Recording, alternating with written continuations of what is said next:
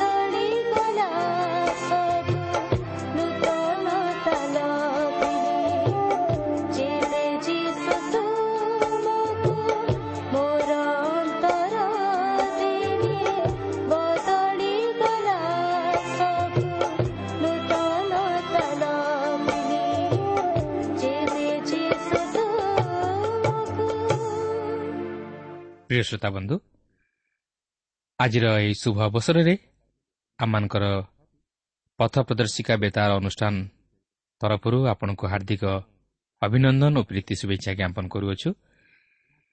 ଆପଣଙ୍କର ସହଯୋଗ ନିମନ୍ତେ ବିଶେଷ ଧନ୍ୟବାଦ। ଆପଣ ଏହି କାର୍ଯ୍ୟକ୍ରମର ଜଣେ ନିୟମିତ ଶ୍ରୋତା ଜାଣିବା ବିଶେଷ ଖୁସି ପ୍ରମୁଖ ନାମକୁ ଧନ୍ୟବାଦ ଦେଉ। ଆପଣଙ୍କ ନିମନ୍ତେ ମଧ୍ୟ ଆମେ ପ୍ରାର୍ଥନା କରୁଅଛୁ। ଆଉ ସେହି ପ୍ରଭୁ ଯୀଶୁ ନିଶ୍ଚିତ ଭାବରେ ଆପଣଙ୍କର ପ୍ରାର୍ଥନା ଶୁଣି ସେ ଉତ୍ତର ପ୍ରଦାନ କରିବେ। ଆସନ୍ତୁ ପ୍ରଭୁଙ୍କର ବାକ୍ୟ ମଧ୍ୟକୁ ଯିବା ପୂର୍ବରୁ ସଂକ୍ଷେପରେ ପ୍ରାର୍ଥନା କରିବା। ଆମମାନଙ୍କର ସୃଷ୍ଟିକର୍ତ୍ତା ତଥା ଉଦ୍ଧାରକର୍ତ୍ତା ପ୍ରିୟ ପବିତ୍ର ପ୍ରଭୁ ତୁମର ପବିତ୍ର ନାମର ଧନ୍ୟବାଦ କରୁଅଛୁ ଯେ ତୁମେ ଆମମାନଙ୍କୁ ଏହି ଜଗତ ମଧ୍ୟରେ ବଞ୍ଚି ରହିବା ପାଇଁ ସୁଯୋଗ ଦେଇଅଛ। ହଁ ପ୍ରଭୁ ଆମମାନେ ଅଯୋଗ୍ୟ ଅପଦାର୍ଥ ମନୁଷ୍ୟ ହେଲେ ମଧ୍ୟ ତୁମର ଦୟା ତୁମର ଅନୁଗ୍ରହ ତୁମର ଅନୁକମ୍ପା ଆମମାନଙ୍କ ଜୀବନ ପାଇଁ ଅତି ପ୍ରଚୁର। ଯାହାର ପ୍ରତିଦାନରେ ପ୍ରଭୁ ଆମେ ତୁମକୁ କିଛି ଦେଇପାରେ ନାହୁଁ କି ଦେଇ ମଧ୍ୟ ପାରିବୁ ନାହିଁ। କିନ୍ତୁ ପ୍ରଭୁ ଏତିକି ପ୍ରାର୍ଥନା କରୁଅଛୁ ଯେଉଁ ଆଶା ଯେଉଁ ଭରସା ନେଇ ପ୍ରଭୁ ଆମେ ତୁମ ନିକଟକୁ ଆସିଅଛୁ ତୁମର ବାକ୍ୟ ଶୁଣିବା ପାଇଁ ତୁମଠାରୁ ଆଶୀର୍ବାଦ ଭିକ୍ଷା କରିବା ପାଇଁ ପ୍ରଭୁ। ଆମମାନଙ୍କର ସେହି ଆଶା ଭରସାକୁ ତୁମେ ପରିପୂର୍ଣ୍ଣ କର। ପ୍ରତ୍ୟେକ ଶ୍ରୋତାବନ୍ଧୁମାନଙ୍କର ପ୍ରାର୍ଥନା ଶୁଣି ତୁମେ ଉତ୍ତର ଦିଅ। ପ୍ରତ୍ୟେକଙ୍କର ସମସ୍ୟା ଦୁଃଖ ତୁମେ ଦୂର କର। ପ୍ରତ୍ୟେକଙ୍କୁ ପ୍ରଭୁ ପାପରୁ ଉଦ୍ଧାର କରି ତୁମର ସେହି ପରିତାଣର ଆନନ୍ଦକୁ ଉପଲବ୍ଧି କରିବା ପାଇଁ ଦିଅ। ଆଜିର ଏହି କାର୍ଯ୍ୟକ୍ରମ ମଧ୍ୟ ଦେଇ ପ୍ରଭୁ ତୁମେ ଆମମାନଙ୍କ ସହିତ କଥା କୁହ। ତୁମର ପବିତ୍ର ଉପସ୍ଥିତି ଆମମାନଙ୍କୁ ଉପଲବ୍ଧି କରିବା ପାଇଁ ଦିଅ। ତୁମର ଅଭିମତ ପ୍ରଭୁ ତୁମେ ଆମମାନଙ୍କ ଜୀବନରେ ସଫଳ କର। ଏହି ସମସ୍ତ ପ୍ରାର୍ଥନା ଆମମାନଙ୍କର ଉଦ୍ଧାରକର୍ତ୍ତା ଜୀବିତ ପୁନରୁଦ୍ଧିତ ପ୍ରିୟ ପ୍ରଭୁ ଯୀଶୁଙ୍କ ନାମରେ ଏହି ଅଳ୍ପ ଭିକ୍ଷା ମାଗୁଅଛୁ।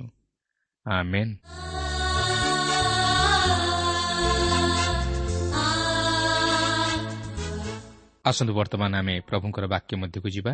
ଆଜି ଆମେ ଦ୍ୱିତୀୟ ବିବରଣ ପୁସ୍ତକର କୋଡ଼ିଏ ପର୍ବର ଦଶ ପଦରୁ ଆରମ୍ଭ କରି ତେଇଶ ପର୍ବର ପଚିଶ ପଦ ପର୍ଯ୍ୟନ୍ତ ଅଧ୍ୟୟନ କରିବା ନିମନ୍ତେ ଯିବା। ତେବେ ଏଠାରେ ମୁଁ ଆପଣଙ୍କୁ ସ୍ମରଣ କରାଇଦେବାକୁ ଚାହେଁ ଯେ ଗତ ପାଠରେ ଆମେ ଇସ୍ରାଏଲ୍ ସନ୍ତାନଗଣ ମଧ୍ୟରୁ ଯୋଦ୍ଧାମାନେ ଯୁଦ୍ଧ କରିବାକୁ ଯିବା ନେଇ ଚାରୋଟି ନିୟମ ପ୍ରଦାନ କରାଯାଇଥିବାର ଲକ୍ଷ୍ୟ କରିଥିଲୁ ଯାହାକି ଈଶ୍ୱର ପ୍ରଦାନ କରିଥିଲେ। ତେବେ ମୁଁ ସେହି ନିୟମଗୁଡ଼ିକୁ ଏଠାରେ ପୁନରାବୃତ୍ତି କରିବାକୁ ଚାହେଁ ନା କିନ୍ତୁ ଏହାପରେ ଆଗକୁ ଆଉ ଯେଉଁ ସମସ୍ତ ବିଷୟ ଉଲ୍ଲେଖ ହୋଇଅଛି ଆସନ୍ତୁ ବର୍ତ୍ତମାନ ତାହା ଅଧ୍ୟୟନ କରି ଆଲୋଚନା କରିବା ନିମନ୍ତେ ଯିବା। ଦେଖନ୍ତୁ ଶେଷରେ ଏହି କୋଡ଼ିଏ ପର୍ବର ଦଶ ପଦରୁ ବାର ପଦ ମଧ୍ୟରେ ଯୁଦ୍ଧ କରିବା ନେଇ ଈଶ୍ୱର ଇସ୍ରାଏଲ୍ ଲୋକଙ୍କୁ ଗୋଟିଏ ବିଷୟ ସୂଚାଇ ଦିଅନ୍ତି ଯାହାକୁ ଆମେ ଓଡ଼ିଆରେ କହୁ ଜେସାକୁ ତେସା। ଯଦି କେହି ସେମାନଙ୍କ ସହିତ ଯୁଦ୍ଧ କରନ୍ତି ତାହେଲେ ସେମାନେ ମଧ୍ୟ ସେମାନଙ୍କ ସହିତ ଯୁଦ୍ଧ କରି ସେମାନଙ୍କୁ ପରାସ୍ତ କରିବେ। ମାତ୍ର ଯେଉଁମାନେ ସେମାନଙ୍କ ସନ୍ଧିରେ ରାଜି ହୋଇ ସେମାନଙ୍କ ସହିତ ସନ୍ଧି କରନ୍ତି ତାହେଲେ ସେହି ଲୋକମାନେ ଇସ୍ରାଏଲୀୟମାନଙ୍କୁ କର ଦେବେ ଓ ସେମାନଙ୍କର ସେବା କରିବେ। ଏହାର ପ୍ରକୃତ ଉଦ୍ଦେଶ୍ୟ ହେଉଛି ଯେ ଈଶ୍ୱର କହନ୍ତି ଯଦି ତୁମେମାନେ ଜିତିବା ନିମନ୍ତେ ଯୁଦ୍ଧ କରୁଅଛ ତାହେଲେ ଯୁଦ୍ଧ କର ନଚେତ୍ ଯୁଦ୍ଧ କର ନାହିଁ। ପ୍ରିୟ ବନ୍ଧୁ ଈଶ୍ୱର ଏଠାରେ ଅତି ଉତ୍ତମ ବିଧିଗୁଡ଼ିକ ପ୍ରଦାନ କରିଅଛନ୍ତି ମାତ୍ର ତାହାକୁ ପାଳନ କରିବାକୁ ଆମେ କ'ଣ ପ୍ରସ୍ତୁତ ଅଛୁ କି? ଆମେ କ'ଣ ଈଶ୍ୱରଙ୍କ ସହିତ ରହିଛୁ କି? ଆମେ କ'ଣ ଶୈତାନ ବିରୁଦ୍ଧରେ ଯୁଦ୍ଧ କରି ତାହା ଉପରେ ଜୟଯୁକ୍ତ ଜୀବନ କାଟିବାକୁ ଚାହୁଁଛୁ କି? ତାହେଲେ ପ୍ରଭୁ ଯୀଶୁଙ୍କଠାରେ ବିଶ୍ୱାସ କରି ତାହାଙ୍କର ବାକ୍ୟ ଅନୁଯାୟୀ ଜୀବନଯାପନ କରିବା ନିମନ୍ତେ ଚେଷ୍ଟା କରୁ। ଆସନ୍ତୁ ଏହାପରେ ଏକୋଇଶ ପର୍ବ ମଧ୍ୟକୁ ଯିବା। ଏହି ଏକୋଇଶ ପର୍ବର ମୁଖ୍ୟ ପ୍ରସଙ୍ଗ ହେଉଛି ନରହତ୍ୟା ବିବାହ ଓ ଅପରାଧୀ ପୁତ୍ର ବିଷୟ ନେଇ କେତେକ ବ୍ୟବସ୍ଥା ଯାହାକି ଇସ୍ରାଏଲ୍ ଲୋକଙ୍କ ନିମନ୍ତେ ପ୍ରଦତ୍ତ ହୋଇଅଛି ଦେଖନ୍ତୁ ଏକୋଇଶ ପର୍ବର ପ୍ରଥମ ନଅ ପଦ ମଧ୍ୟରେ ନରହତ୍ୟା ସମ୍ପର୍କରେ କିଛି ବ୍ୟବସ୍ଥା ପ୍ରଦାନ କରାଯାଇଅଛି। ଏହି ବ୍ୟବସ୍ଥା ଅନୁଯାୟୀ ଯଦି ଜଣେ ବ୍ୟକ୍ତି ହତ ହୋଇଥାଏ ଓ ତାହାର ହତ୍ୟା ବିଷୟ ସମସ୍ତଙ୍କ ପ୍ରତି ଅଗୋଚର ହୋଇଥାଏ ତାହେଲେ ସେ ଯେଉଁ ସ୍ଥାନରେ ହତ ହୋଇଥିବ ସେହିଠାରୁ ଯେଉଁ ନଗର ନିକଟବର୍ତ୍ତୀ ଥିବ ସେହି ନଗରର ପ୍ରାଚୀନ ବର୍ଗ ଓ ସମସ୍ତ ନଗରବାସୀ ଏଥିନିମନ୍ତେ ଦାୟୀ ହେବେ। ଓ ସେହି ନଗରର ପ୍ରାଚୀନମାନେ ଏହି ଅପରାଧ ନିମନ୍ତେ ଦୋଷ ସ୍ୱୀକାର କରିବେ ଓ ସେମାନଙ୍କୁ କ୍ଷମା ଦିଆଯିବ। ଏହାର ଅର୍ଥ ହେଉଛି ଯେ ସେହିପରି ଅପରାଧ ଯେପରି ଆଉ ନ ଘଟେ ଏଥିନିମନ୍ତେ ଏହି ପ୍ରକାର ବ୍ୟବସ୍ଥା ଦିଆଯାଇଥିଲା ଯେପରି ପ୍ରତ୍ୟେକ ଏଥିନିମନ୍ତେ ସତର୍କ ରହିବେ। ଯଦିଓ ସେହି ନରହତ୍ୟା ସେହି ନଗର ମଧ୍ୟରେ ଘଟି ନଥିଲା ତଥାପି ସେଥିନିମନ୍ତେ ସେହି ନଗର ଦାୟୀ ହେଉଥିଲା। ଯଦ୍ୱାରା ସେହି ନଗରର ପ୍ରାଚୀନମାନେ ଏହି ପ୍ରକାର ଅପରାଧର ନିରାକରଣ ନିମନ୍ତେ ବ୍ୟବସ୍ଥା ପ୍ରଚଳନ କରାଇବା ନିମନ୍ତେ ଦାବି କରିବେ। ସେହି ବ୍ୟବସ୍ଥାଟି ଏହି ପ୍ରକାର ଥିଲା ଯେ ସେହି ନଗରର ପ୍ରାଚୀନ ବର୍ଗ ଏପରି ଗୋଟିଏ ଗାଭିକି ଆଣିବେ ଯାହା ଉପରେ କେବେ ଜୁଆଳି ରଖାଯାଇ ନଥିବ କି ଚାଷବାସ ନିମନ୍ତେ ବ୍ୟବହାର କରାଯାଇ ନଥିବ ସେହି ଗାଭିକୁ ଚାଷବାସ ନ ହୋଇଥିବା ଏପରି ଏକ ନିତ୍ୟ ଜଳସ୍ରୋତବାହୀ ତଳଭୂମିକି ନେଇ ସେହି ଗାଭୀର ବେକ ଭାଙ୍ଗିବେ ଓ ସେମାନେ ଯାଜକମାନଙ୍କ ସମ୍ମୁଖରେ ସେହି ବେକ ଭଙ୍ଗା ଗାଭୀ ଉପରେ ଆପଣା ଆପଣା ହସ୍ତ ପ୍ରକ୍ଷାଳନ କରି ନିର୍ଦ୍ଦୋଷ ବୋଲି ସ୍ୱୀକାର କରିବେ। ତହିଁରେ ସେମାନଙ୍କ ପ୍ରତି ସେହି ରକ୍ତପାତ ଦୋଷ କ୍ଷମା ହେବ। ଏହା ଥିଲା ସେହି ନରପରାଧର ରକ୍ତପାତ ଦୋଷରୁ ଉଦ୍ଧାର ପାଇବାର ବ୍ୟବସ୍ଥା। କିନ୍ତୁ ଆପଣ ଜାଣିଛନ୍ତି ପ୍ରଭୁ ଯୀଶୁଖ୍ରୀଷ୍ଟ ନଗର ବାହାରେ ହତ୍ୟା କରାଯାଇଥିଲେ। ମାତ୍ର ତାହାଙ୍କର ସେହି ମୃତ୍ୟୁ ତାଙ୍କର ହତ୍ୟାକାରୀମାନଙ୍କୁ ଉଦ୍ଧାର କରିପାରିଥିଲା। ଯେଉଁ ରୋମିଓ ସତସେନାପତି ଯିଏକି ଯୀଶୁଙ୍କର କୃଷାର୍ପିତ ଘଟଣାର ଦାୟିତ୍ୱ ନେଇଥିଲେ ସେ ହେଉଛନ୍ତି ସେହି ଉଦ୍ଧାର ପାଇଥିବା ଲୋକମାନଙ୍କ ମଧ୍ୟରୁ ଜଣେ ଯିଏକି ଉଦ୍ଧାର ପାଇଥିଲେ। କେବଳ ସେ ନୁହନ୍ତି ଆଜି ଆମେ ଯେତେ ତାଙ୍କର ସେହି କୃଷିୟ ମୃତ୍ୟୁର କାରଣ ହୋଇଅଛୁ ଆମେ ପ୍ରତ୍ୟେକ ମଧ୍ୟ ତାଙ୍କର ସେହି ମୃତ୍ୟୁ ଦ୍ୱାରା ଉଦ୍ଧାର ପାଇଅଛୁ। ଏହାପରେ ଦଶପଦରୁ ସତରପଦ ମଧ୍ୟରେ ବିବାହ ସମ୍ବନ୍ଧୀୟ ବ୍ୟବସ୍ଥା ପ୍ରଦାନ କରାଯାଏ। ତାହା ହେଉଛି ଯେ ଯୁଦ୍ଧରେ ବନ୍ଦୀ ହୋଇଥିବା ସ୍ତ୍ରୀମାନଙ୍କ ମଧ୍ୟରୁ କୌଣସି ସ୍ତ୍ରୀ ପ୍ରତି ଯଦି ଇସ୍ରାଏଲ୍ର କୌଣସି ପୁରୁଷ ପ୍ରେମାସକ୍ତ ହୁଏ ତାହେଲେ ସେ ତାହାକୁ ନିଜ ଘରକୁ ଆଣିବ ଓ ସେହି ସ୍ତ୍ରୀ ଆପଣା ମସ୍ତକ ମୁଣ୍ଡନ କରି ନଖ କାଟିବ ଓ ଆପଣା ପିତା ଓ ମାତା ନିମନ୍ତେ ପୂର୍ଣ୍ଣ ଏକ ମାସ ବିଳାପ କରିବ ଓ ତାହାପରେ ସେ ତାହା ସହିତ ସହବାସ କରିବ ଓ ସେ ତାହାର ସ୍ତ୍ରୀ ହେବ। ଏହି ବ୍ୟବସ୍ଥା ସୂଚୀ ଓ ପବିତ୍ରତାକୁ ଦର୍ଶାଏ। ଅର୍ଥାତ୍ ସେହି ସ୍ତ୍ରୀ ସୂଚୀ ହେବା ପରେ ବିବାହ ନିମନ୍ତେ ଗୃହୀତ ହେଉଥିଲା ଏହାପରେ ସେହି ଅଂଶରେ ପ୍ରଥମଜାତ ସନ୍ତାନର ଅଧିକାର ବିଷୟ ନେଇ ବ୍ୟବସ୍ଥା ପ୍ରଦାନ କରାଯାଏ ଅର୍ଥାତ୍ ଯଦି ଜଣେ ସ୍ୱାମୀ ଦୁଇଟି ସ୍ତ୍ରୀ ବିବାହ କରିଥାଏ ଜଣେ ପ୍ରିୟା ଥାଏ ଓ ଜଣେ ଅପ୍ରିୟା ଥାଏ ତେବେ ଅପ୍ରିୟା ସ୍ତ୍ରୀର ଯଦି ପ୍ରଥମେ ସନ୍ତାନ ଜାତ ହୋଇଥାଏ ତାହେଲେ ସେ ଅପ୍ରିୟା ହେଲେ ବି ତା'ର ପ୍ରଥମଜାତ ସନ୍ତାନ ଜ୍ୟେଷ୍ଠାଧିକାର ପାଇବ ଏହା ଥିଲା ଈଶ୍ୱରଙ୍କର ବ୍ୟବସ୍ଥା ଯାହାକି ଆମେ ଜାକବଙ୍କ ଜୀବନରେ ଦେଖିବାକୁ ପାଉ। ଆସନ୍ତୁ ଏହାପରେ ଏହି ଦ୍ୱିତୀୟ ବିବରଣ ପୁସ୍ତକ ଏକୋଇଶ ପର୍ବର ଅଠର ପଦରୁ ଏକୋଇଶ ପଦ ମଧ୍ୟରେ ଅପରାଧୀ ପୁତ୍ର ନିମନ୍ତେ ଦିଆଯାଇଥିବା ବ୍ୟବସ୍ଥା ସମ୍ପର୍କରେ କିଛି ଆଲୋଚନା କରିବା। ଏହି ଅଂଶଟି ଯଦି ଆପଣ ପାଠ କରିବେ ତାହେଲେ ଦେଖିବାକୁ ପାରିବେ ଯେ ବ୍ୟବସ୍ଥା ଅନୁଯାୟୀ ଜଣେ ପିତାର ଅପରାଧୀ ପୁତ୍ରକୁ ପଥର ଫୋପାଡ଼ି ମରାଯିବାର ବ୍ୟବସ୍ଥା ଥିଲା। କାରଣ ଏହା ଅପରାଧ ନିରାକରଣର ବ୍ୟବସ୍ଥା ଥିଲା। କାରଣ ସେହି ପୁତ୍ର ପିତାମାତାଙ୍କର ଅବାଧ୍ୟ ଓ ବିରୋଧୀ ହେବାରୁ ଏବଂ ମଦୁଆ ହେବାରୁ ତାହା ପ୍ରତି ଏହିପରି ଦଣ୍ଡବିଧାନ ଥିଲା ଯେପରି ତାହା ଦେଖି ଅନ୍ୟମାନେ ସତର୍କ ହେବେ ଓ ଅପରାଧ ଦେଶରେ ବୃଦ୍ଧି ପାଇବ ନାହିଁ। କିନ୍ତୁ ଆପଣ ଯଦି ନୂତନ ନିୟମକୁ ଫେରିଆସିବେ ତାହେଲେ ଦେଖିବେ ଯେ ଯୀଶୁ ଯେତେବେଳେ ସେହି ଅପବୟ ପୁତ୍ର ବିଷୟକ ଦୃଷ୍ଟାନ୍ତ ଲୋକମାନଙ୍କୁ କହୁଛନ୍ତି ସେତେବେଳେ ଲୋକମାନେ ହୁଏତ ମନ ମଧ୍ୟରେ ଭାବି ନେଇଥିବେ ଯେ ସେହି ପୁତ୍ର ପଥର ଫୋପଡ଼ା ଯାଇ ମରାଯିବାର କଥା। ମାତ୍ର ଯୀଶୁ ଯେତେବେଳେ କହନ୍ତି ଯେ ସେହି ଅପବୟ ପୁତ୍ର ଫେରିଆସିଲା ପରେ ତା'ର ପିତା ତାହାକୁ ଆଲିଙ୍ଗନ କରି କୋଳରେ ଘେନିଲେ ଓ ତାହା ପାଇଁ ଭୋଜିର ଆୟୋଜନ କରାଗଲା। ସେତେବେଳେ ଲୋକମାନେ ବହୁତ ହୁଏ ଆଶ୍ଚର୍ଯ୍ୟ ହୋଇଯାଇଥିବେ ଓ କହିଥିବେ ଆରେ ଏପରି କେମିତି ହେଲା? ସେ ତ ପଥର ଫୋପଡ଼ା ଯାଇ ମରାଯିବାର କଥା ମାତ୍ର ତାହାକୁ ଗ୍ରହଣ କରାଗଲା କିପରି? ମାତ୍ର ତାହାର ପିତା କ'ଣ କଲେ? ସେ ତାଙ୍କର ସେହି ବାହୁରେ ତାହାକୁ ଟାଣି ନେଇ ତାହାକୁ ଚୁମ୍ବନ କଲେ। ତାର ହାତରେ ମୁଦି ଓ ପାଦରେ ପାଦୁକା ଦେଲେ ଓ ସବୁଠାରୁ ଭଲ ଲୁଗା ଆଣି ତାହାକୁ ପିନ୍ଧାଇଲେ। ଆଉ ସେ କହିଲେ ଆସ ଆମେମାନେ ଭୋଜନ କରି ଉତ୍ସବ କରୁ। କାରଣ ମୋହର ଏହି ପୁଅ ମୃତ ହୋଇଥିଲା ପୁନର୍ବାର ବଞ୍ଚିଲା ହଜିଯାଇଥିଲା ଆଉ ମିଳିଲା। ପ୍ରିୟ ବନ୍ଧୁ ଆଜି ମଧ୍ୟ ଆମେ ଈଶ୍ୱରଙ୍କ ଅନୁଗ୍ରହ ହେତୁ ବଞ୍ଚି ରହିଅଛୁ। ଆମେ ଆଜି ବ୍ୟବସ୍ଥା ଅନୁଯାୟୀ ଯଦି ବିଚାରିତ ହୋଇଥାନ୍ତୁ ତାହେଲେ ଆମେ କେବେଠାରୁ ବିନଷ୍ଟ ହୋଇସାରିଥାନ୍ତୁ। ମାତ୍ର ଧନ୍ୟ ସେହି ଈଶ୍ୱରଙ୍କର ଅନୁଗ୍ରହ। ସେଥିପାଇଁ ପ୍ରଥମ ଜୀବନ ପ୍ରଥମ ପର୍ବର ନଅ ପଦରେ ଲେଖା ଅଛି ଯଦି ଆମମାନେ ଆପଣା ଆପଣା ପାପ ସ୍ୱୀକାର କରୁ ତେବେ ସେ ଆମମାନଙ୍କର ପାପ କ୍ଷମା କରିବାକୁ ଓ ସମସ୍ତ ଅଧର୍ମରୁ ଆମମାନଙ୍କୁ ପରିଷ୍କାର କରିବାକୁ ବିଶ୍ୱସ୍ତ ଓ ନ୍ୟାୟବାନ ଅଟନ୍ତି।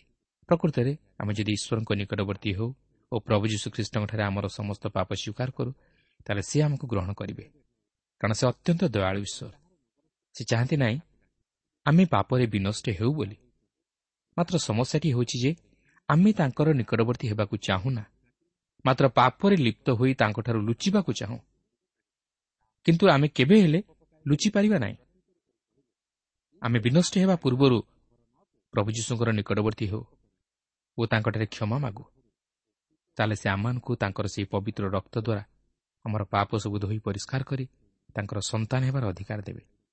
ଏହାପରେ ଏହି ଏକୋଇଶ ପର୍ବର ଶେଷରେ ଅର୍ଥାତ୍ ବାଇଶ ଓ ତେଇଶ ପଦରେ ଦେଖୁ ଯେ କୌଣସି ମନୁଷ୍ୟ ମୃତ୍ୟୁଯୋଗ୍ୟ ପାପ କଲେ ଯେବେ ତାହାର ପ୍ରାଣଦଣ୍ଡ ହୁଏ ଓ ତାହାକୁ ବୃକ୍ଷରେ ଟଙ୍ଗାଯାଏ ତାହେଲେ ସେହି ଶବ ରାତ୍ରିଯାକ ବୃକ୍ଷରେ ଟଙ୍ଗା ହୋଇ ରହିବ ନାହିଁ ମାତ୍ର ସେହିଦିନ ତାହାକୁ କବର ଦିଆଯିବ କାରଣ ସେ ପରମେଶ୍ୱରଙ୍କର ଅଭିଶାପ ପାତ୍ର।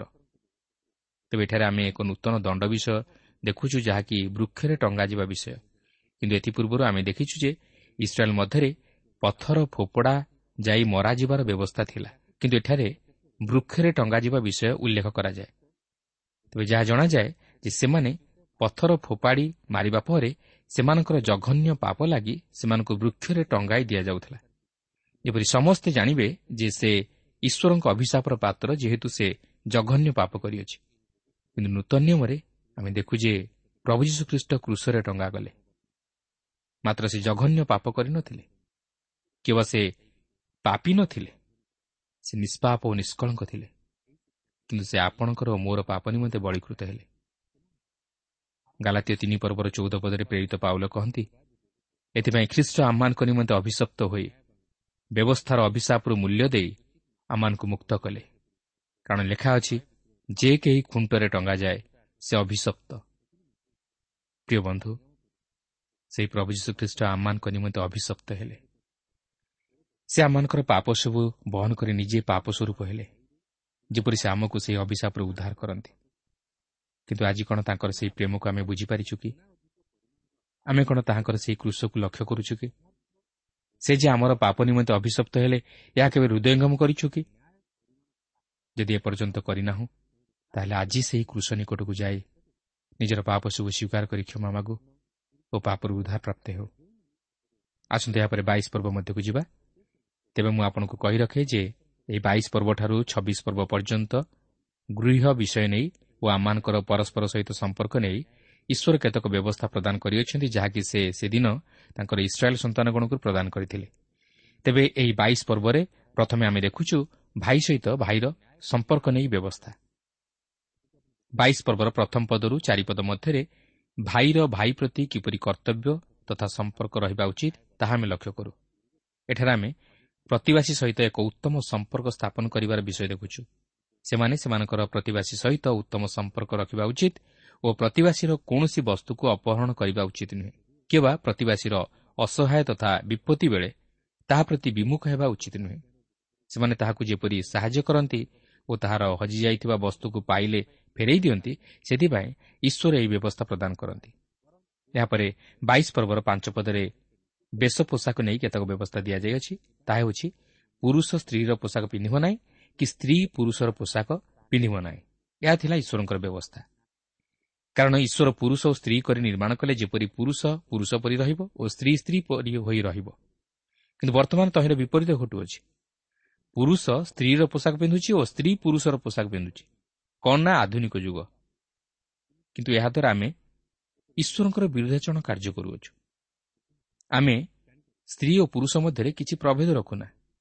କିନ୍ତୁ ଆମେ ଜାଣି ରଖିବା ଉଚିତ ଯେ ପୁରୁଷ ପୁରୁଷ ସ୍ଥାନରେ ଓ ସ୍ତ୍ରୀ ସ୍ତ୍ରୀ ସ୍ଥାନରେ ରହିବାର ଉଚିତ। ତେଣୁ ଆମେ ଆମର ବେଶ ପୋଷାକ ପରିଧାନରେ ସାବଧାନତା ରକ୍ଷା କରିବା ଉଚିତ।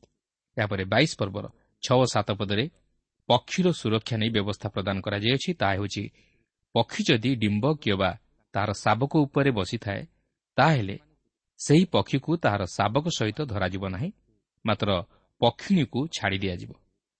ଦେଖନ୍ତୁ ଈଶ୍ୱର ପକ୍ଷୀମାନଙ୍କ ବିଷୟରେ ମଧ୍ୟ ଚିନ୍ତା କରୁଥିଲେ। ଆପଣ ଜାଣିଥିବେ ଯେ ପ୍ରଭୁ ଯୀଶୁଖ୍ରୀଷ୍ଟ କହନ୍ତି ପିତାଙ୍କ ଅନୁମତି ନହେଲେ ଗୋଟିଏ ଘରଚଟିଆ ପକ୍ଷୀ ମଧ୍ୟ ତଳେ ପଡ଼େ ନାହିଁ। ଦେଖନ୍ତୁ ଏକ ସାଧାରଣ ପକ୍ଷୀ ମାତ୍ର ଈଶ୍ୱର ତାହା ବିଷୟରେ ମଧ୍ୟ ଚିନ୍ତା କରନ୍ତି। ତେବେ ଯେଉଁ ମନୁଷ୍ୟକୁ ଈଶ୍ୱର ତାଙ୍କର ସାଦୃଶ୍ୟ ପ୍ରତିମୂର୍ତ୍ତିରେ ନିର୍ମାଣ କଲେ ତାହା ବିଷୟରେ ସେ କେତେ ଦୂର ଚିନ୍ତିତ ନୁହନ୍ତି? ସେଥିପାଇଁ ପ୍ରଭୁ ଯୀଶୁ କହନ୍ତି ଭୟ କର ନାହିଁ। ତୁମ୍ଭେମାନେ ଅନେକ ଘର ଚଟିଆଠାରୁ ଶ୍ରେଷ୍ଠ ପ୍ରକୃତରେ ଈଶ୍ୱର କେଡ଼େ ମହାନ ସେ ଯଦି ଗୋଟିଏ ଘର ଚଟିଆ ନିମନ୍ତେ ଚିନ୍ତା କରୁଛନ୍ତି ତାହେଲେ ସେ କ'ଣ ତାଙ୍କର ସୃଷ୍ଟ ମନୁଷ୍ୟମାନଙ୍କୁ ଭୁଲିଯିବେ କେବେ ନୁହେଁ ମାତ୍ର ଆମେ ତାହାଙ୍କୁ ଭୁଲି ଯାଉଛୁ ତଥାପି ସେ ଆମ ନିମନ୍ତେ ଚିନ୍ତା କରନ୍ତି ଆସନ୍ତୁ ଏହାପରେ ଗୃହ ବିଷୟ ନେଇ କେତେକ ବ୍ୟବସ୍ଥା ଦେଖିବା ଦ୍ୱିତୀୟ ବିବରଣ ବାଇଶ ପର୍ବର ଆଠ ପଦରେ ଲେଖା ଅଛି ତୁମେ ନୂତନ ଗୃହ ନିର୍ମାଣ କଲେ ତହିଁର ଛାତରେ ଛେଦା ବାଡ଼ ପ୍ରସ୍ତୁତ କରିବ ଜୀବନ୍ତ ତହିଁ ଉପରୁ କୌଣସି ମନୁଷ୍ୟ ପଡ଼ିଗଲେ ତୁମ୍ଭେ ଆପଣା ଗୃହ ଉପରେ ରକ୍ତପାତର ଅପରାଧ ବର୍ତ୍ତାଇବ ନାହିଁ। ଲକ୍ଷ୍ୟ କରିବେ ଈଶ୍ୱର ତାଙ୍କର ଲୋକମାନଙ୍କର ଗୃହର ସୁରକ୍ଷା ଉପରେ ମଧ୍ୟ ଦୃଷ୍ଟି ଦେଉଥିଲେ। ସେ ଚାହାନ୍ତି ଆମର ଗୃହ ଯେପରି ତାଙ୍କ ନିମନ୍ତେ ଉତ୍ସର୍ଗୀକୃତ ହୁଏ ଓ ସମସ୍ତ ପ୍ରକାର ଅଧର୍ମରୁ ସୁରକ୍ଷିତ ହୋଇ ତାଙ୍କର ମହିମା ପ୍ରକାଶ କରେ। ସେ ତାଙ୍କର ସନ୍ତାନମାନଙ୍କୁ ସୁରକ୍ଷା କରିବାକୁ ଚାହାନ୍ତି। ସେ ଚାହାନ୍ତି ନାହିଁ ତାଙ୍କ ସନ୍ତାନମାନେ ସେହି ଗୃହ ଲାଗି ବିନଷ୍ଟ ହୁଅନ୍ତୁ। କିନ୍ତୁ ଆମେ କ'ଣ ସେଥିପ୍ରତି ସତର୍କ ଅଛୁ କି? ଏହାପରେ ଆମେ ଏହି ବାଇଶ ପର୍ବର ନଅ ପଦରୁ ବାର ପଦ ମଧ୍ୟରେ କେତେକ ମିଶ୍ରିତ ବିଷୟ ନେଇ ଈଶ୍ୱର ବ୍ୟବସ୍ଥା ପ୍ରଦାନ କରିଥିବାର ଲକ୍ଷ୍ୟ କରିବାକୁ ପାରୁ। ପ୍ରଥମତଃ ନଅ ପଦରେ ଆମେ ଦେଖୁଛୁ ଯେ କ୍ଷେତ୍ରରେ ମିଶ୍ରିତ ବୀଜ ବୁଣିବ ନାହିଁ ବୋଲି ଈଶ୍ୱର କହନ୍ତି କାରଣ ଏହାଦ୍ୱାରା ଫସଲ ନଷ୍ଟ ହୁଏ ଓ ବୀଜ କଳୁଷିତ ହୁଏ। ବାଇଶ ପର୍ବର ଦଶ ପଦରେ ଲେଖା ଅଛି ଯେ ତୁମ୍ଭେ ବଳଦ ଓ ଗଧ ଏକତ୍ର ଯୋଚି ଚାଷ କରିବ ନାହିଁ। ଏହାର ଅର୍ଥ ହେଉଛି ଯେ ବଳଦ ସହିତ ଗଧକୁ ବା ଗଧ ସହିତ ବଳଦକୁ ସମାନ କରିବ ନାହିଁ ମାତ୍ର ସେମାନଙ୍କୁ ପୃଥକ କରି ରଖିବ। ଆମର ଏହି ଭାରତବର୍ଷରେ ହୁଏତ ସେପରି ଏହି ଚାଷ କରିବା ଆମେ ଦେଖୁନାହୁଁ ମାତ୍ର ଇସ୍ରାଏଲ୍ ଦେଶରେ ସେହିପରି କରାଯାଉଥିଲା ଏପରିକି ଆରବ ଦେଶରେ ମଧ୍ୟ ଏହିପରି ଚାଷ କରାଯାଉଥିଲା। ତେବେ ଆପଣ ହୁଏତ କହିପାରନ୍ତି ଯେ ବଳଦ ସହିତ ଗଧକୁ ହଳ ବୁଲାଇଲେ କ୍ଷତି କ'ଣ? ତେବେ କାରଣଟି ହେଉଛି ଯେ ବଳଦ ହେଉଛି ବଳଦ ଓ ଗଧ ହେଉଛି ଗଧ। ବଳଦ ସହିତ ଗଧକୁ ସମାନ କରିହେବ ନାହିଁ କି ଗଧ ସହିତ ବଳଦକୁ ସମାନ କରିହେବ ନାହିଁ। ସେମାନଙ୍କର କାର୍ଯ୍ୟ ଓ ରହଣୀ ସବୁକିଛି ଭିନ୍ନ ଅଲଗା। କିନ୍ତୁ ଈଶ୍ୱର ଯେ ମିଶ୍ରିତ ବିଷୟ ଭଲ ପାଆନ୍ତି ନାହିଁ ତାହା ଆମେ ଏଥିରୁ ଲକ୍ଷ୍ୟ କରିବାକୁ ପାରୁଅଛୁ। ସେ ସୃଷ୍ଟିର ସମସ୍ତ ବିଷୟକୁ ଭିନ୍ନ ଭିନ୍ନ ଉଦ୍ଦେଶ୍ୟ ନେଇ ସୃଷ୍ଟି କରିଛନ୍ତି। କିନ୍ତୁ ସେ ଚାହାନ୍ତି ନାହିଁ ମନୁଷ୍ୟ ତହିଁର ବ୍ୟତିକ୍ରମ କରୁ ଏପରିକି ଈଶ୍ୱର ମିଶ୍ରିତ ବିବାହକୁ ମଧ୍ୟ ପସନ୍ଦ କରନ୍ତି ନାହିଁ। ଜଣେ ଉଦ୍ଧାରପ୍ରାପ୍ତ ବିଶ୍ୱାସୀ ଯେ ଜଣେ ଉଦ୍ଧାରପ୍ରାପ୍ତ ନ ହୋଇଥିବା ସ୍ତ୍ରୀ ସହିତ ବିବାହ କରୁ ତାହା ସେ ଚାହାନ୍ତି ନାହିଁ। କାରଣ ବିବାହ ହେଉଛି ଈଶ୍ୱରଙ୍କ ଦୃଷ୍ଟିରେ ପବିତ୍ର ଓ ଆଦରଣୀୟ। ପୁନଶ୍ଚ ବାଇଶ ପର୍ବରେ ଏଗାର ପଦରେ ଲେଖା ଅଛି ତୁମ୍ଭେ ଲୋମ ଓ ମସିନା କୌଣସି ମିଶ୍ରିତ ସୂତ୍ର ନିର୍ମିତ ବସ୍ତ୍ର ପିନ୍ଧିବ ନାହିଁ। ଏହାର କାରଣ କ'ଣ ଜାଣନ୍ତି? ଯେତେବେଳେ ଆପଣ ସେହି ବସ୍ତ୍ରକୁ ଧୋଇବେ ସେତେବେଳେ ଉଲ୍ ସଙ୍କୁଚିତ ହୋଇଯିବ ମାତ୍ର ସେହି ମସିନା ସଙ୍କୁଚିତ ହେବ ନାହିଁ ଯଦ୍ୱାରା ଆପଣ ସମସ୍ୟାରେ ପଡ଼ିବେ। ଏହାପରେ ବାଇଶ ପର୍ବର ବାର ପଦରେ ଲେଖା ଅଛି ତୁମ୍ଭେ ଆପଣା ଶରୀରର ଉତ୍ତରୀୟ ବସ୍ତ୍ରର ଚାରି ଅଞ୍ଚଳରେ ଝୁମ୍ପା ବନାଇବ। ସେହି ସମୟରେ ଇସ୍ରାଏଲୀମାନେ ଏହି ପ୍ରକାର ବସ୍ତ୍ର ପିନ୍ଧିବାର ଆବଶ୍ୟକ ଥିଲା। ଏହି ଝୁମ୍ପାର ରଙ୍ଗ ସାଧାରଣତଃ ନୀଳ ରଙ୍ଗର ଥିଲା। ଏପରିକି ମହାଜାଜକଙ୍କ ବସ୍ତ୍ରରେ ମଧ୍ୟ ଏହି ନୀଳ ରଙ୍ଗର ଝୁମ୍ପା ଥିଲା। ଏହା ସେମାନଙ୍କର ଈଶ୍ୱରଙ୍କ ସହିତ ସମ୍ପର୍କକୁ ଦର୍ଶାଏ ଓ ସ୍ମରଣ କରାଇଦିଏ। ଆସନ୍ତୁ ଏହାପରେ ଏହି ବାଇଶ ପର୍ବର ତେର ପଦରୁ ଏକୋଇଶ ପଦ ମଧ୍ୟରେ ବିବାହ ସମ୍ବନ୍ଧୀୟ କେତେକ ବ୍ୟବସ୍ଥା ପ୍ରଦାନ କରାଯାଇଥିବାର ଆମେ ଲକ୍ଷ୍ୟ କରିବାକୁ ପାରିବା। ତେବେ ଏହି ବ୍ୟବସ୍ଥା ଜଣେ ନିରୀହ ସ୍ତ୍ରୀକୁ ତାହାର କଠୋର ହୃଦୟ ବିଶିଷ୍ଟ ସ୍ୱାମୀଠାରୁ ରକ୍ଷା କରିବା ନିମନ୍ତେ ଦିଆଯାଇଥିଲା। କାରଣ ଯଦି ତାହାର ସ୍ୱାମୀ ତାହାର ନିନ୍ଦା କରି ତାହାର କୁମାରିତ୍ୱ ନାହିଁ ବୋଲି କହେ ତାହେଲେ ସେହି କନ୍ୟାର ପିତାମାତା ତାହାକୁ ନଗରର ପ୍ରାଚୀନ ବର୍ଗଙ୍କ ନିକଟକୁ ନେଇ ତାହାର କୁମାରିତ୍ୱର ଚିହ୍ନ ଦେଖାଇ ପ୍ରମାଣିତ କଲେ ତାହାର ସ୍ୱାମୀ ଶାସ୍ତି ପାଇବ ଓ ତହିଁ ସଙ୍ଗେ ସଙ୍ଗେ ଅର୍ଥଦଣ୍ଡ ମଧ୍ୟ ଦେବ। ତହିଁରେ ସେ ତାହାର ଭାର୍ଯ୍ୟା ହେବ ଓ ସେ ତାହାକୁ ଯାବଜୀବନ ତ୍ୟାଗ କରିପାରିବ ନାହିଁ। ମାତ୍ର ଯେବେ ସେହି ସ୍ତ୍ରୀର କୁମାରିତ୍ୱ ଚିହ୍ନ ଦେଖା ନଯାଏ ତାହେଲେ ତାହାକୁ ପଥର ଫୋପାଡ଼ି ମରାଯିବାର ବ୍ୟବସ୍ଥା ଥିଲା। ଯେହେତୁ ପିତୃଗୃହରେ ବ୍ୟଭିଚାର କରିବାରୁ ସେ ଇସ୍ରାଏଲ୍ ମଧ୍ୟରେ ମୂଢ଼ତାର କର୍ମ କଲା। ତେଣୁ ଆମେ ଦେଖୁଛୁ ଯେ ଏହିପରି ଭାବେ ସେତେବେଳେ ଇସ୍ରାଏଲ୍ ବଂଶ ମଧ୍ୟରୁ ବ୍ୟଭିଚାର ଜନିତ ପାପ ଦୂର କରାଯାଇପାରୁଥିଲା ଓ ଇସ୍ରାଏଲ୍ ମଧ୍ୟରେ ଏହିପରି ବ୍ୟଭିଚାର ଲାଗି ସେମାନଙ୍କୁ ପଥର ଫୋପାଡ଼ି ମରାଯାଉଥିଲା କାରଣ ଏହା ଈଶ୍ୱରଙ୍କର ଆଜ୍ଞା ଥିଲା। ଆସନ୍ତୁ ଏହାପରେ ଦ୍ୱିତୀୟ ବିବରଣର ତେଇଶ ପର୍ବ ମଧ୍ୟକୁ ଯିବା। ଏହି ପର୍ବରେ କେଉଁମାନେ ସଦାପ୍ରଭୁଙ୍କ ସମାଜରେ ପ୍ରବେଶ କରିପାରିବେ ଓ କେଉଁମାନେ କରିପାରିବେ ନାହିଁ ଓ ସୂଚୀକରଣ ନେଇ କେତେକ ବ୍ୟବସ୍ଥା ପ୍ରଦାନ କରାଯାଇଅଛି ଯାହାକି ଇସ୍ରାଏଲ୍ ସନ୍ତାନଗଣ ସେହି ଦେଶରେ ବାସ କରି ତାହା ପାଳନ କରିବା ନିମନ୍ତେ ଈଶ୍ୱର ଆଜ୍ଞା ଦେଇଥିଲେ ଓ ଏହା ଆଜି ମଧ୍ୟ ସେ ଆମମାନଙ୍କ ଜୀବନକୁ ଲକ୍ଷ୍ୟ କରି ତାହା ପ୍ରଦାନ କରିଅଛନ୍ତି। ତେବେ ତେଇଶ ପର୍ବର ପ୍ରଥମ ପଦରୁ ଆରମ୍ଭ କରି ଷଷ୍ଠ ପଦ ମଧ୍ୟରେ କେଉଁମାନେ ସଦାପ୍ରଭୁଙ୍କ ସମାଜରେ ପ୍ରବେଶ କରିପାରିବେ ନାହିଁ ସେହି ବିଷୟ ନେଇ ମୂଷା ପ୍ରକାଶ କରନ୍ତି। ଚୂର୍ଣ୍ଣ କୋଷ କିମ୍ବା ଛିନ୍ନ ଲିଙ୍ଗ ବ୍ୟକ୍ତି ସଦାପ୍ରଭୁଙ୍କ ସମାଜରେ ପ୍ରବେଶ କରିପାରିବ ନାହିଁ। ଜାରଜ ବ୍ୟକ୍ତିର ଦଶମ ପୁରୁଷ ପର୍ଯ୍ୟନ୍ତ ତାହାର କେହି ସଦାପ୍ରଭୁଙ୍କ ସମାଜରେ ପ୍ରବେଶ କରିପାରିବେ ନାହିଁ। ଅମନୀୟ କି ମୟାବୀୟ ଲୋକ ସଦାପ୍ରଭୁଙ୍କ ସମାଜରେ ପ୍ରବେଶ କରିପାରିବ ନାହିଁ। ଯେହେତୁ ସେମାନେ ଇସ୍ରାଏଲ୍ ସନ୍ତାନଗଣକୁ ମିଶ୍ରରୁ ବାହାର ହୋଇ ଆସିବା ବେଳେ ପଥ ମଧ୍ୟରେ ଅନ୍ନ ଜଳ ଦେଲେ ନାହିଁ ଓ ତହିଁ ପରିବର୍ତ୍ତେ ସେମାନଙ୍କୁ ଅଭିଶାପ ଦେବା ପାଇଁ ବିୟୋରର ପୁତ୍ର ବିଲିୟମଙ୍କୁ ବେତନ ଦେଲେ। ମାତ୍ର ଈଶ୍ୱର ତାହାକୁ ଆଶୀର୍ବାଦରେ ପରିଣତ କଲେ। ପ୍ରିୟ ବନ୍ଧୁ ଆଜି ଆମେ ଈଶ୍ୱରଙ୍କ ସହଭାଗିତା ମଧ୍ୟରେ ପ୍ରବେଶ କରିବା ନିମନ୍ତେ ଯୋଗ୍ୟ କି? ଆମ ଜୀବନରେ କ'ଣ ପବିତ୍ରତା ଅଛି? କିନ୍ତୁ ଆମେ ଜାଣି ରଖିବା ଉଚିତ ଯେ ଆମେ ଯଦି ଈଶ୍ୱରଙ୍କର ସହଭାଗିତା ମଧ୍ୟରେ ପ୍ରବେଶ କରିବାକୁ ଚାହୁଁ ତାହେଲେ ଆମ ଜୀବନରେ ସେହିପରି ପବିତ୍ରତା ସରଳତା ଉତ୍ତମତା ଓ ନମ୍ରତା ପରିଲକ୍ଷିତ ହେବା ଉଚିତ। ଏହାପରେ ତେଇଶ ପର୍ବର ସାତ ଓ ଆଠ ପଦ ମଧ୍ୟରେ କେଉଁମାନେ ଈଶ୍ୱରଙ୍କ ସମାଜ ମଧ୍ୟରେ ପ୍ରବେଶ କରିପାରିବେ ତାହା ଦେଖିବା। ଇଦୋମିୟ ଓ ମିଶ୍ରୀୟ ଲୋକମାନଙ୍କର ତୃତୀୟ ପୁରୁଷରେ ଉତ୍ପନ୍ନ ସନ୍ତାନଗଣ ସଦାପ୍ରଭୁଙ୍କ ସମାଜରେ ପ୍ରବେଶ କରିବେ। ସେମାନଙ୍କୁ ଘୃଣା ନ କରିବା ପାଇଁ ସଦାପ୍ରଭୁ ଇସ୍ରାଏଲୀୟମାନଙ୍କୁ ଆଜ୍ଞା ଦିଅନ୍ତି। କାରଣ ଇଦମ ହେଉଛି ସେମାନଙ୍କର ଭାଇ। କାରଣ ଏସୋର ଅନ୍ୟ ନାମ ହେଉଛି ଇଦୋମ। ଓ ଏସୋ ଜାକବଙ୍କର ଭାଇ ଥିଲା ଓ ଏହି ଜାକୁବ ଇସ୍ରାଏଲ୍ ବୋଲି ଖ୍ୟାତ ହୋଇଥିଲେ। ଏଥିସହିତ ମିଶ୍ରୀୟମାନଙ୍କୁ ଘୃଣା ନ କରିବା ପାଇଁ ଈଶ୍ୱର ଆଦେଶ ଦେଇଥିଲେ ଯେହେତୁ ସେମାନେ ସେହି ମିଶ୍ର ଦେଶରେ ପ୍ରବାସୀ ଥିଲେ। ଏହାପରେ ତେଇଶ ପର୍ବର ନଅ ପଦରୁ ପଚିଶ ପଦ ମଧ୍ୟରେ ଈଶ୍ୱର ସୂଚୀ ହେବା ନେଇ ଆଜ୍ଞା ଦେଇଥିବାର ଆମେ ଲକ୍ଷ୍ୟ କରିବାକୁ ପାରୁ ଯାହାକି ସେମାନେ ସେମାନଙ୍କର ଛାଉଣିକି ଓ ତମ୍ବୁକୁ ସୂଚୀ ରଖିବା ନେଇ ଉଦ୍ଦିଷ୍ଟ। କାରଣ ସୂଚିତା ହେଉଛି ଈଶ୍ୱର ପରାୟଣତାର ଏକ ଅଂଶ। ଏହାପରେ ତେଇଶ ପର୍ବର ସତରରୁ ଅଠର ପଦରେ ସେମାନଙ୍କ ମଧ୍ୟରେ ଯେପରି କୌଣସି ବ୍ୟଭିଚାରଣୀ ବା ବେଶିଆ ଦେଖା ନ ଯାଆନ୍ତି କିମ୍ବା ସେମାନେ ଯେପରି ସେମାନଙ୍କର ବେତନ ସଦାପ୍ରଭୁଙ୍କ ଗୃହକୁ ନ ଆଣନ୍ତି ଏଥି ନିମନ୍ତେ ଆଜ୍ଞା ଦିଅନ୍ତି। ଅର୍ଥାତ୍ ସେ କହିବାକୁ ଚାହାନ୍ତି ଯେ ସେ କୌଣସି ଅନ୍ୟାୟ ବା ଅଧର୍ମର ଦାନକୁ ଗ୍ରହଣ କରିବେ ନାହିଁ। ତେଣୁ ଆମେ ଜାଣି ରଖିବା ଉଚିତ ଯେ ଆମେ କୌଣସି ଅନ୍ୟାୟ ବା ଅଧର୍ମର ମୂଲ୍ୟ ଈଶ୍ୱରଙ୍କ ନିକଟରେ ଉଚ୍ଚର କରିବା ଉଚିତ ନୁହେଁ। ଏହାପରେ ଉଣେଇଶ ଓ କୋଡ଼ିଏ ପଦରେ ସେ କହନ୍ତି ତୁମମାନେ କୌଣସି ସୁଧ ପାଇବା ନିମନ୍ତେ ଋଣ ଦେବ ନାହିଁ। ତେଣୁ ଆମେ ସୁଧ ଲଗାଇବା ଉଚିତ ନୁହେଁ ଏହାପରେ ଏକୋଇଶ ଓ ବାଇଶ ପଦରେ ମାନତ କଲେ ତାହା ପୂର୍ଣ୍ଣ କରିବା ନେଇ ଈଶ୍ୱର ଆଜ୍ଞା ଦିଅନ୍ତି ଏହାପରେ ଚବିଶ ଓ ପଚିଶ ପଦରେ ଈଶ୍ୱର କହନ୍ତି ତୁମ୍ଭେ ଆପଣା ପ୍ରତିବାସୀର ଦ୍ରାକ୍ଷା କ୍ଷେତ୍ରକୁ ଗଲେ ସ୍ୱେଚ୍ଛାନୁସାରେ ଆପଣା ତୃପ୍ତି ପର୍ଯ୍ୟନ୍ତ ଦ୍ରାକ୍ଷାଫଳ ଭୋଜନ କରିପାରିବ ମାତ୍ର ଆପଣା ପାତ୍ରରେ କିଛି ରଖିବ ନାହିଁ। ତୁମ୍ଭେ ଆପଣା ପ୍ରତିବାସୀର ବଢ଼ନ୍ତା ଶସ୍ୟ କ୍ଷେତ୍ରକୁ ଗଲେ ଆପଣା ହାତରେ ସିଂସା ଛିଣ୍ଡାଇ ଖାଇପାରିବ ମାତ୍ର ତୁମ୍ଭେ ଆପଣା ପ୍ରତିବାସୀର ବଢ଼ନ୍ତା ଶସ୍ୟରେ ଦା ଲଗାଇବ ନାହିଁ। ଈଶ୍ୱର ଇସ୍ରାଏଲ୍ ସନ୍ତାନଗଣକୁ ଏହି ସମସ୍ତ ଆଜ୍ଞା ପ୍ରଦାନ କରିଥିଲେ ଯେପରି ସେମାନେ ସେହିସବୁ ପାଳନ କରି ଈଶ୍ୱରଙ୍କର ଆଶୀର୍ବାଦର ଅଧିକାରୀ ହୁଅନ୍ତି। ପ୍ରଭୁ ପ୍ରତ୍ୟେକଙ୍କୁ ଆଶୀର୍ବାଦ କରନ୍ତୁ।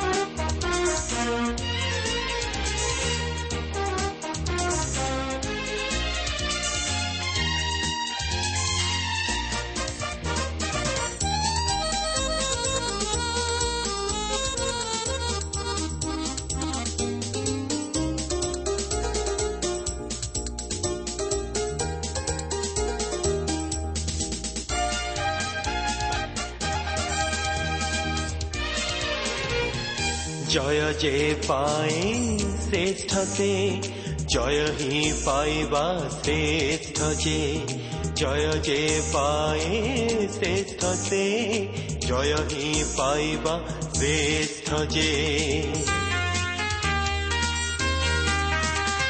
ত্যাগ করিছ আদ্য প্রেম জাণ তুমি পাপি মন ফেরা।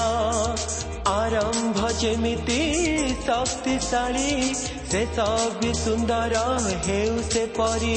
ଜୟ ଯେ ପାଏ ଶ୍ରେଷ୍ଠ ସେ। ଜୟ ଜୟ ହାଲି ଲୁୟା ଜୟ ଯେ ପାଏ ଶ୍ରେଷ୍ଠ ସେ। ଜୟ ଜୟ ପ୍ରିୟ ଶ୍ରୋତା ଆପଣ ଈଶ୍ୱରଙ୍କ ବାକ୍ୟ ଶୁଣିବା ନିମନ୍ତେ ସମୟ ଦେଇଥିବାରୁ ଆମେ ଧନ୍ୟବାଦୀ। ଆପଣ ଯଦି ପ୍ରଭୁ ଯୀଶୁଙ୍କର ବାକ୍ୟ ବିଷୟରେ ଓ ତାହାଙ୍କର ପ୍ରେମ ବିଷୟରେ ଅଧିକ ଜାଣିବାକୁ ଚାହାନ୍ତି ଯାହାକି ଆପଣଙ୍କୁ ପାପରୁ ଉଦ୍ଧାର ପାଇବା ନିମନ୍ତେ ପଥ ଦେଖାଇବ ତାହେଲେ ଆମ ସହିତ ପତ୍ର ମାଧ୍ୟମରେ ଅଥବା ଟେଲିଫୋନ୍ ଯୋଗେ ଯୋଗାଯୋଗ କରନ୍ତୁ। ଆମର ଠିକଣା ପଥ ପ୍ରଦର୍ଶିକା Trans World Radio India post box number ତିନି ତିନି ଭୁବନେଶ୍ୱର ସାତ ପାଞ୍ଚ ଏକ ଶୂନ ଶୂନ ଏକ। Mobile number nine seven double seven double two one four one five ଠିକଣାଟି ଆଉଥରେ ଶୁଣନ୍ତୁ। ପଥ ପ୍ରଦର୍ଶିକା Trans World Radio India post box number three three Bhubaneswar seven five one zero zero one mobile number nine seven double seven double two one four one five ଆମର email ଆଡ୍ରେସ୍ଟି ଲେଖି ରଖନ୍ତୁ। Odia TTV at radio eight eight two dot com ତେବେ ଆଜି ପାଇଁ ଏଠାରେ ରଖୁଛୁ। ପ୍ରଭୁ ଯୀଶୁ ଆପଣଙ୍କୁ ଆଶୀର୍ବାଦ କରନ୍ତୁ। ନମସ୍କାର। ଜୟ ହିଁ ପାଇବା ଶ୍ରେଷ୍ଠ ଯେ ଜୟ ଯେ ପାଏ ଶ୍ରେଷ୍ଠ ସେ ଜୟ ହିଁ ପାଇବା ଶ୍ରେଷ୍ଠ ଯେ।